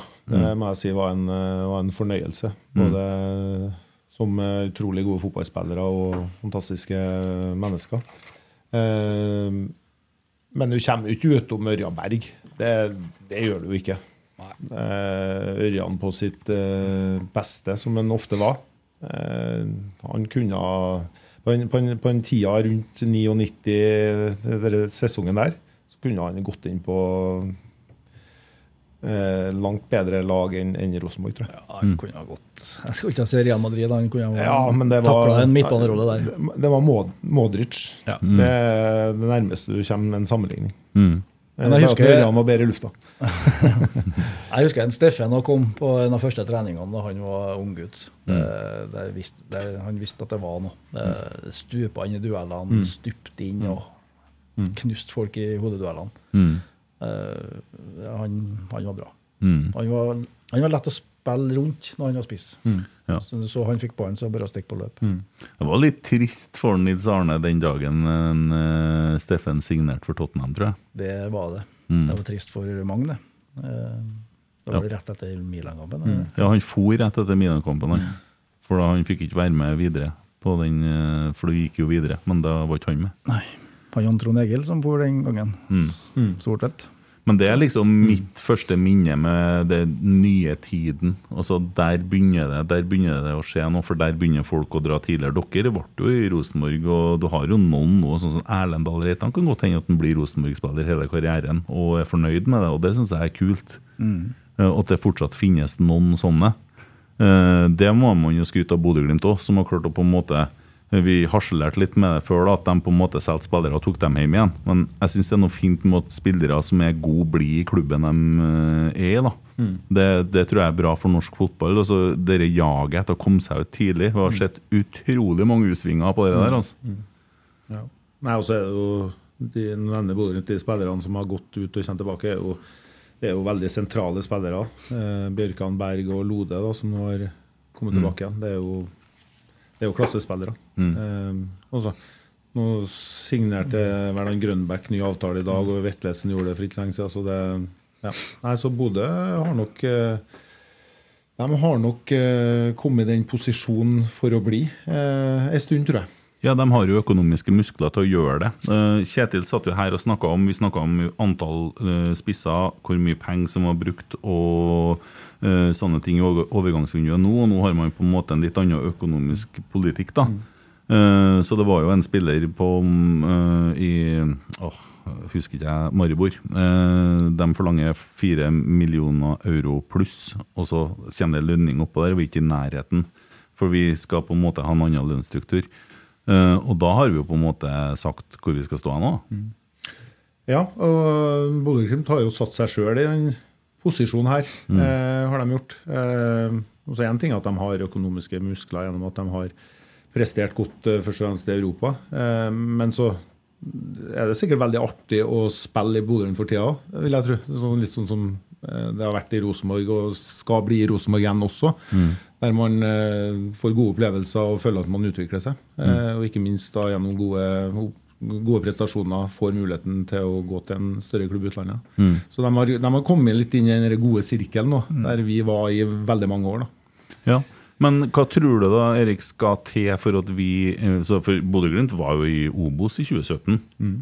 Så, så veien tilbake så Nei, de har jo lyktes veldig godt med en, en, en tydelig offensiv struktur. da. Det, det har de gjort. Ja, men de sleit jo til å begynne med. Altså, de holder vel på å røkke ned. Ja, men Bo- Bodø-Glimt har jo hatt eh, årganger eh, tidligere også som har vært eh, bra. Og de, de har jo stått i, stått i, i, i den strukturen gjennom veldig veldig mange år. Da. Så har jo Ketil Knutsen og hans team kommet og videreutvikla det og, og, og fått det virkelig til å klikke. Da. Eh, men Rosenborg har mulighet til å komme tilbake igjen, absolutt. Eh, og nå har, eh, som dere har snakket om, som Roar snakka om, uh, har jo mange unge, unge spillere som, som kan bryte gjennom, kan bli gode. Uh, så får vi håpe at, håpe at det skjer. Eh, Så er det jo ikke noen garantier i fotball, det ikke. Men eh, Nei, det så vi jo i Molde, som brukte 40 millioner på en spiss som ikke skåra mål ennå. Så garantier er det ikke, uansett hva det koster. ja, nå er det, det både, heldigvis både for Rosenborg og Molde så er det tidlig ennå. Jo, jo, jo, men det er jo et poeng. For hvis at han har vært spiss på Rosenborg, så har det vært ropa høyt, det skal jeg love. Men det å gi folk tid kan jo kanskje være et stikkord, da. Eh, og så å bygge over litt lengre tid. Og så kan man forstå folk som er frustrert, fordi at hvis Rosenborg har stått med samme elver imot uh, Viking som vi gjorde mot Sarpsborg i fjor, så har alt sett annerledes ut. Men vi mista veldig mye av det offensive strukturen. Men husk på at Bodø-Glimt har gjort en veldig god jobb i, i Bodø-Glimt, ikke noe tvil om. Eh, Etter de tok seriegull i 2020, var det første gangen, så mista de da eh, Sinkernagel, eh, eh, Jens Petter Hauge og han spissen, han danske spissen som heter var toppskårer. Nei, jeg skal ikke spørre deg, Roar. Lukke øynene Han dansken er jo bra nok, det. Ikke? Ja, det? danske. Men de, de sto vel for uh, tre fjerdedeler av målene til Bodø-Glimt det året de ble seriemester. Og de mista alle tre, og de blir seriemestere en år etterpå. Så, ja. Så det, det er ikke noe tvil om at de har jobba godt i Bodø nå over tid. Det er jo ikke noe tvil om. De har, vært, eh, de har en tydelig struktur, og de har vært flinke til å, å identifisere og hente spillere da, som erstatter dem som drar. Da. Mm. Jo, og Dere er jo gjerne unntaket og ikke regelen, det du sier der. For det har jo skjedd før. Du har hatt Stabæk, du har hatt Strømsgodset, du har hatt en del lag som Ja, men og- Bodø-Glimt er ikke noe unntak lenger. Nei, men det at de gjør det og klarer å gjenskape det Det eh, er jo det som er imponerende i Bodø nå. Ja, de det det er det. Over flere år. Men er, er hvis, hvordan skal man nå på en måte Spørsmålet hvordan skal det bli artig å være i Rosenborg igjen? Altså, hva er det som skal til fra i dag av? Hva tror du nøkkelen ligger? hen? Nei, Nøkkelen ligger i at man, eh, man eh, Punkt én begynner å vinne fotballkamper. Eh, Punkt to er å prøve da i størst mulig grad å leve opp til det, det Rosenborg skal være da, på banen. Mm. Det er jo det det, det handler om. Mm. Du kan heller ta det i omvendt rekkefølge. Mm. At Først prestasjonene, og så resultat. Ja. Og så kan man som sagt forstå folk da, som blir frustrert, som forventer kanskje at man skal fortsette det man slapp i fjor. Og så skjønner man hvorfor det ikke er sånn, for det er åtte nye spillere inn, og det er mye bort. Og så klarer ikke man å gjenskaffe, man klarer ikke å erstatte rollene, for man har ikke økonomi til det. Og det blir litt forskjell på det du sier. Fordi at mm, det hadde kosta ganske mye penger å erstatte en Kasper Tengstedt med en Kasper Tengstedt. Eller en Carlo Holse med en Carlo Holse, da, eh, og så videre. Så, men det Jeg tror at det snur, og jeg tror det snur fort. Og tre poeng i Bodø. Skal levere på oddsen nå. Seier mot Haugesund, seier mot Brann. Alle har glemt disse samtalene der. Så lett er det. Uh, spørsmål til gjestene. Eivind som spør hvem var kjappest av dere? Ja, Det var tre, da, men jeg kan jo ikke være med på den der, for den gruser jeg dere. Men uh, hvem er kjappest av dere to? Det tror jeg svaret tror jeg vi har med en gang. Det var han. Men du sa noe veldig fint sist du var her. En ting Nils Arne aldri sa til deg. Han påpekte aldri at du var treg, sa du. Det er eneste tror jeg som aldri har nevnt det. er Nils Arne. Mm. Det er du sa det til meg i går. Ja, men du var jo Går det an å sprenge så sent, så? Nei, det har ikke jeg sagt. Nei, men han- Nils Arne var ikke, var ikke så opptatt av det. Eh, han var opptatt av det, og det var sammen med deg, og han var opptatt av det vi, vi var gode på. Erik var kjapp i hodet, da. Det var jeg. Så han leste å spille mye tidligere enn andre spissene. Han kledde av alle spissene. Så dere kampen mot Spartak Moskva også. Og da var han syk. Fikk jo ikke noe hjelp da fra midtbanen. Ja, så var Oppfølgingsspørsmålet til Eivind. Hva var egenskapene dere satte mest pris på hos Eggen? Eh, nei, det, det, jeg tror da at han eh, klarte den balansekunsten mellom å være eh, veldig, veldig, veldig tydelig på den ene sida, på det ene ytterpunktet. På den andre sida, andre ytterpunktet, så hadde han det glimtet i øyet og det humøret. Eh, så han, han klarte den balansekunsten her på en fantastisk måte, syns jeg. Da. Så det var jo, Sjøl om det var steintøft i perioder, så var det alltid artig. Nesten alltid artig. Ja. Han, eh, han var en artig fyr. Rett og slett en artig fyr. Så det, det var nok sånn den eh, sånn personlige egenskapen, tror jeg. Og så har du jo alt det fotballfaglige styrkene hans, selvfølgelig. Jeg syns han ble flink, flinkere på, mot slutten at han ble mer inkluderende. At vi liksom følte litt mer eierskap i det. Eh, vi ble jo henta inn på kontoret av og til når han ville ha seg nye spillere. Da hadde han to, tre, fire stykker alternativ, og så spurte han hva mener dere om han, han, han, han. Hva styrker, svakheter? Og det, det gir kan du si, oss en, en så høy tillit da, at vi følger eierskap i det. Det vil si at du tar i mer. også. Eller at du, er- du blir Godt bedre. poeng. Du fikk jo besøk på kontoret av Jan Gunnar Skjolde når du var Nei, sportsdirektør. du må ikke ta den historien. Den er fin. Nei, Nei. den er ikke fin. Pip! Litt om Twitter. Du har hørt den? Ja, jeg har hørt den i en annen podkast, men det er jo lenge siden. Du kan jo ta en sånn kjappversjon. Nei, den nei, jeg har ikke lyst til. Å nei. Nei, jeg har aldri, jeg har aldri fortalt den offentlig. har ikke du det? Nei, nei, nei. Å nei, det var noen andre som fortalte. Jeg trodde det var du som fortalte. Nei, nei, jeg har aldri Å nei, nei, men da skal jeg fortelle da skal jeg baksnakke deg. Når du ikke er her, så skal jeg fortelle den Nei, det er ikke meg du baksnakker. Nei, det er kanskje mer han. Jeg var jo helt uskyldig da, den her. Ja, ja, ja. Nei, ja. Eh, nei, men det, er- det er jo en morsom historie nå. Jeg er sikker på han flirer av det sjøl òg. Jeg vet ikke. Jeg er usikker på det, altså. Ja. Se det.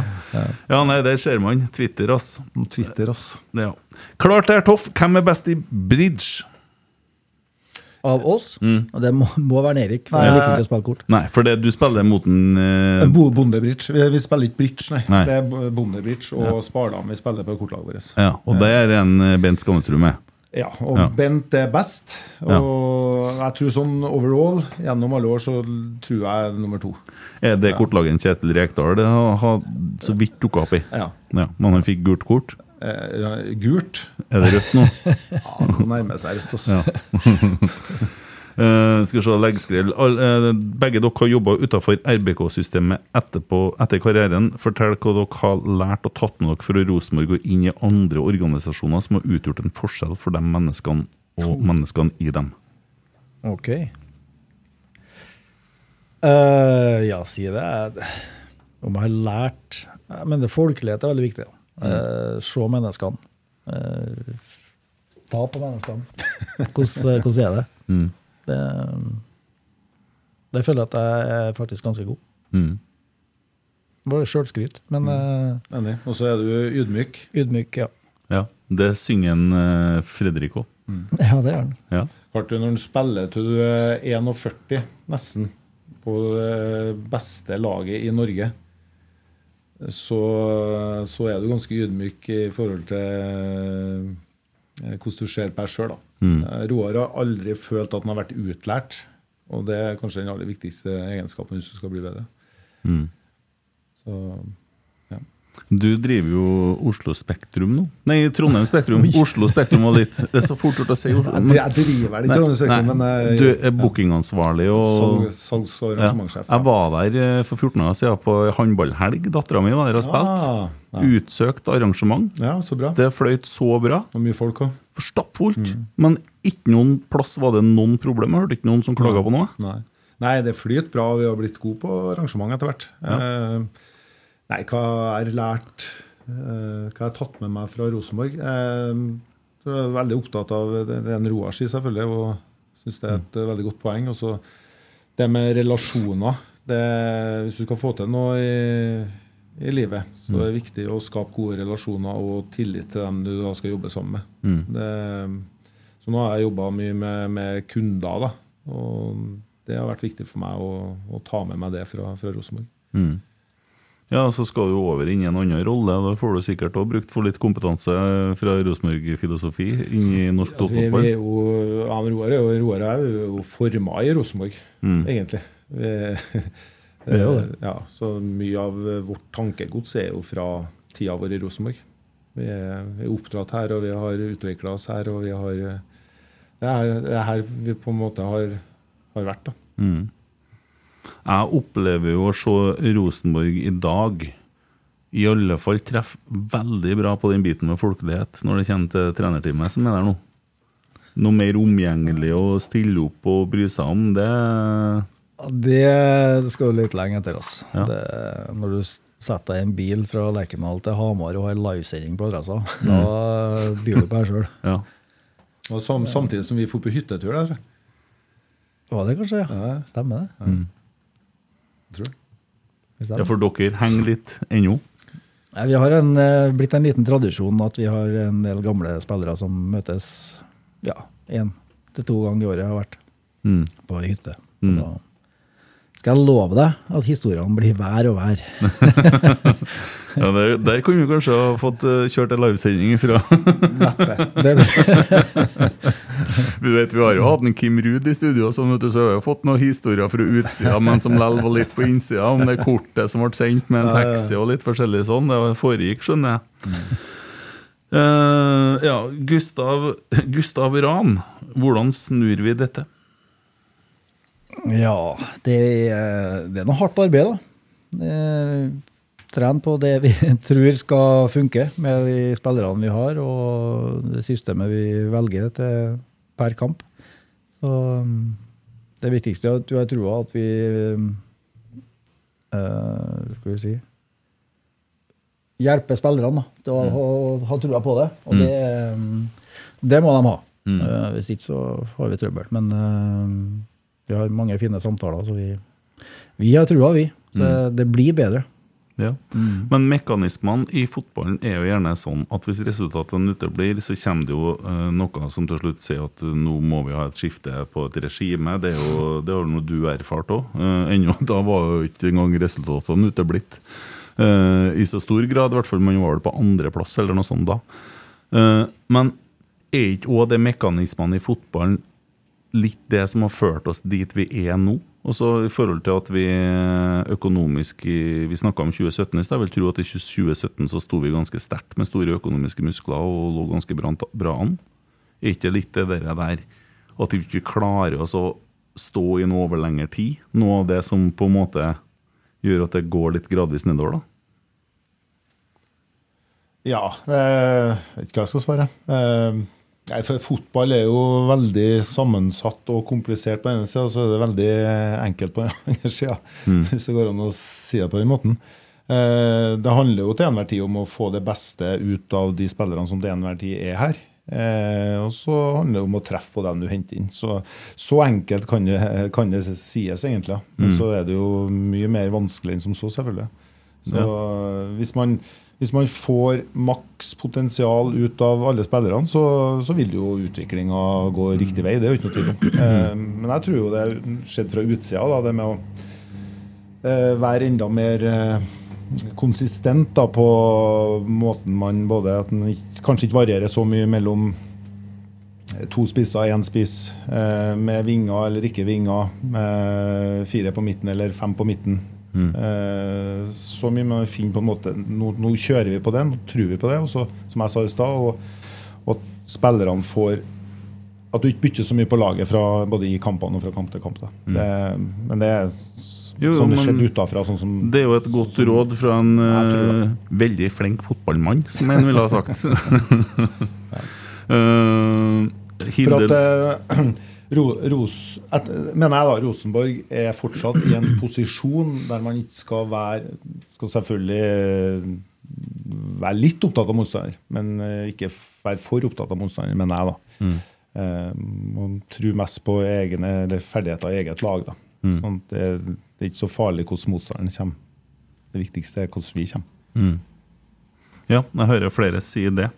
Eh, og jeg har ikke kompetanse nok til å mene så mye om det, men eh, for Og det, det har ikke jeg, for jeg vet ikke hva de eh, diskuterer på, på brakka og hvordan de jobber på trening. Jeg har ikke det eneste trening, så det her blir bare synsing. Jo, jo, men det er jo, det er jo det det handler om mye godt, det som skjer i rundt fotball. Det er jo synsing i alle endene, Ja, egentlig. Og det er jo fra, fra journalister til oss eh, mindre faglig sterke podkastere som sitter her og leker oss med ord. Eh, Hilde Luktu, til slutt. Hadde dere mental trener under Eggen? Ja, Nils Arne. Da måtte dere ha en utenom òg, kanskje? Som Du, han eh, Nils Arne han tror ikke jeg ville ha noe, mange funksjoner eh, rundt seg. Nei. Det var nok med en assistent og til dels kanskje en keepertrener. Mm. Det vil holde, ass. Skulle ikke ha noe større apparat, tror jeg. Nei, var, Så en fyr som en lege var greit, da. Ja, Men eh, på, på feltet, der var det Nils. Ja. Eh, ja, for det at hun sier at hun tenker at dagens Rosenborg bør ha mental trener, og lurer på hva dere tenker om det. og Da kan jeg jo spille den ballen litt videre, for i fjor hadde vi jo en Martin her fra Danmark. Og det ble jo veldig varmt snakka om at det var en bra greie. Og han er jo ikke her i år. Og som det jeg snakka om i stad, og har sagt det i mange podder nå, så blir det jo gjort litt narr av dere der, da. Men hvis du løfter en spiller 10% av måten får et eller annet forløsende der, eh, så trenger det ikke være bare 'stay in the boat'. For jeg vet ikke om 'boat' er så lurt uttrykk å bruke lenger når en tar inn så mye vann som en gjør nå. jeg føler jeg spiller band på Titanic snart. Orkester. Men eh, ja. Jo, det er helt sikkert mange som har hatt bruk eh, av en mental trener. Eh, nå vet jeg ikke hva hovedgrunnen, om det var økonomi eller hvordan det ble eh, avgjørelsen på det, men, eh, men han er jo for landslaget nå. Mm. og mm, han har vel kanskje ikke tid til oss, da. Nei. Så, Men det finnes flere. Det Eh, finnes flere. kan jo være en idé å, å se den veien nå, kanskje, for å løse opp i noe anspente skuldre. Du skal ikke se bort ifra at det er sikkert eh, tatt opp. Mm. Ja, vet ikke jeg. Kanskje vi begynner å lande litt. Uh, håper ikke folk ble fryktelig fornærma for at en Bent ikke dukka opp, men det ble bare Erik Kent og Roar. Men eh, det er en ære for meg å sitte her med dere. da. Det er jo helt fantastisk og at dere tar dere tida til å komme i, i Rotsekkstudio og dele litt ideer og tanker. Og mimre litt. Det var hyggelig, ja. Ja, Så håper vi at vi uh, står godt i Bodø og kommer med tre poeng. Jeg tror vi gjør det. Det er ikke noe som har vært likere enn det. Det Det blitt tøft, men mulig. Mm. Ja, det er det. Ja, Ja. det er det. Tusen takk for tida deres. Takk for oss. Må ut og ta, ut og ta hund. Ja, lufte er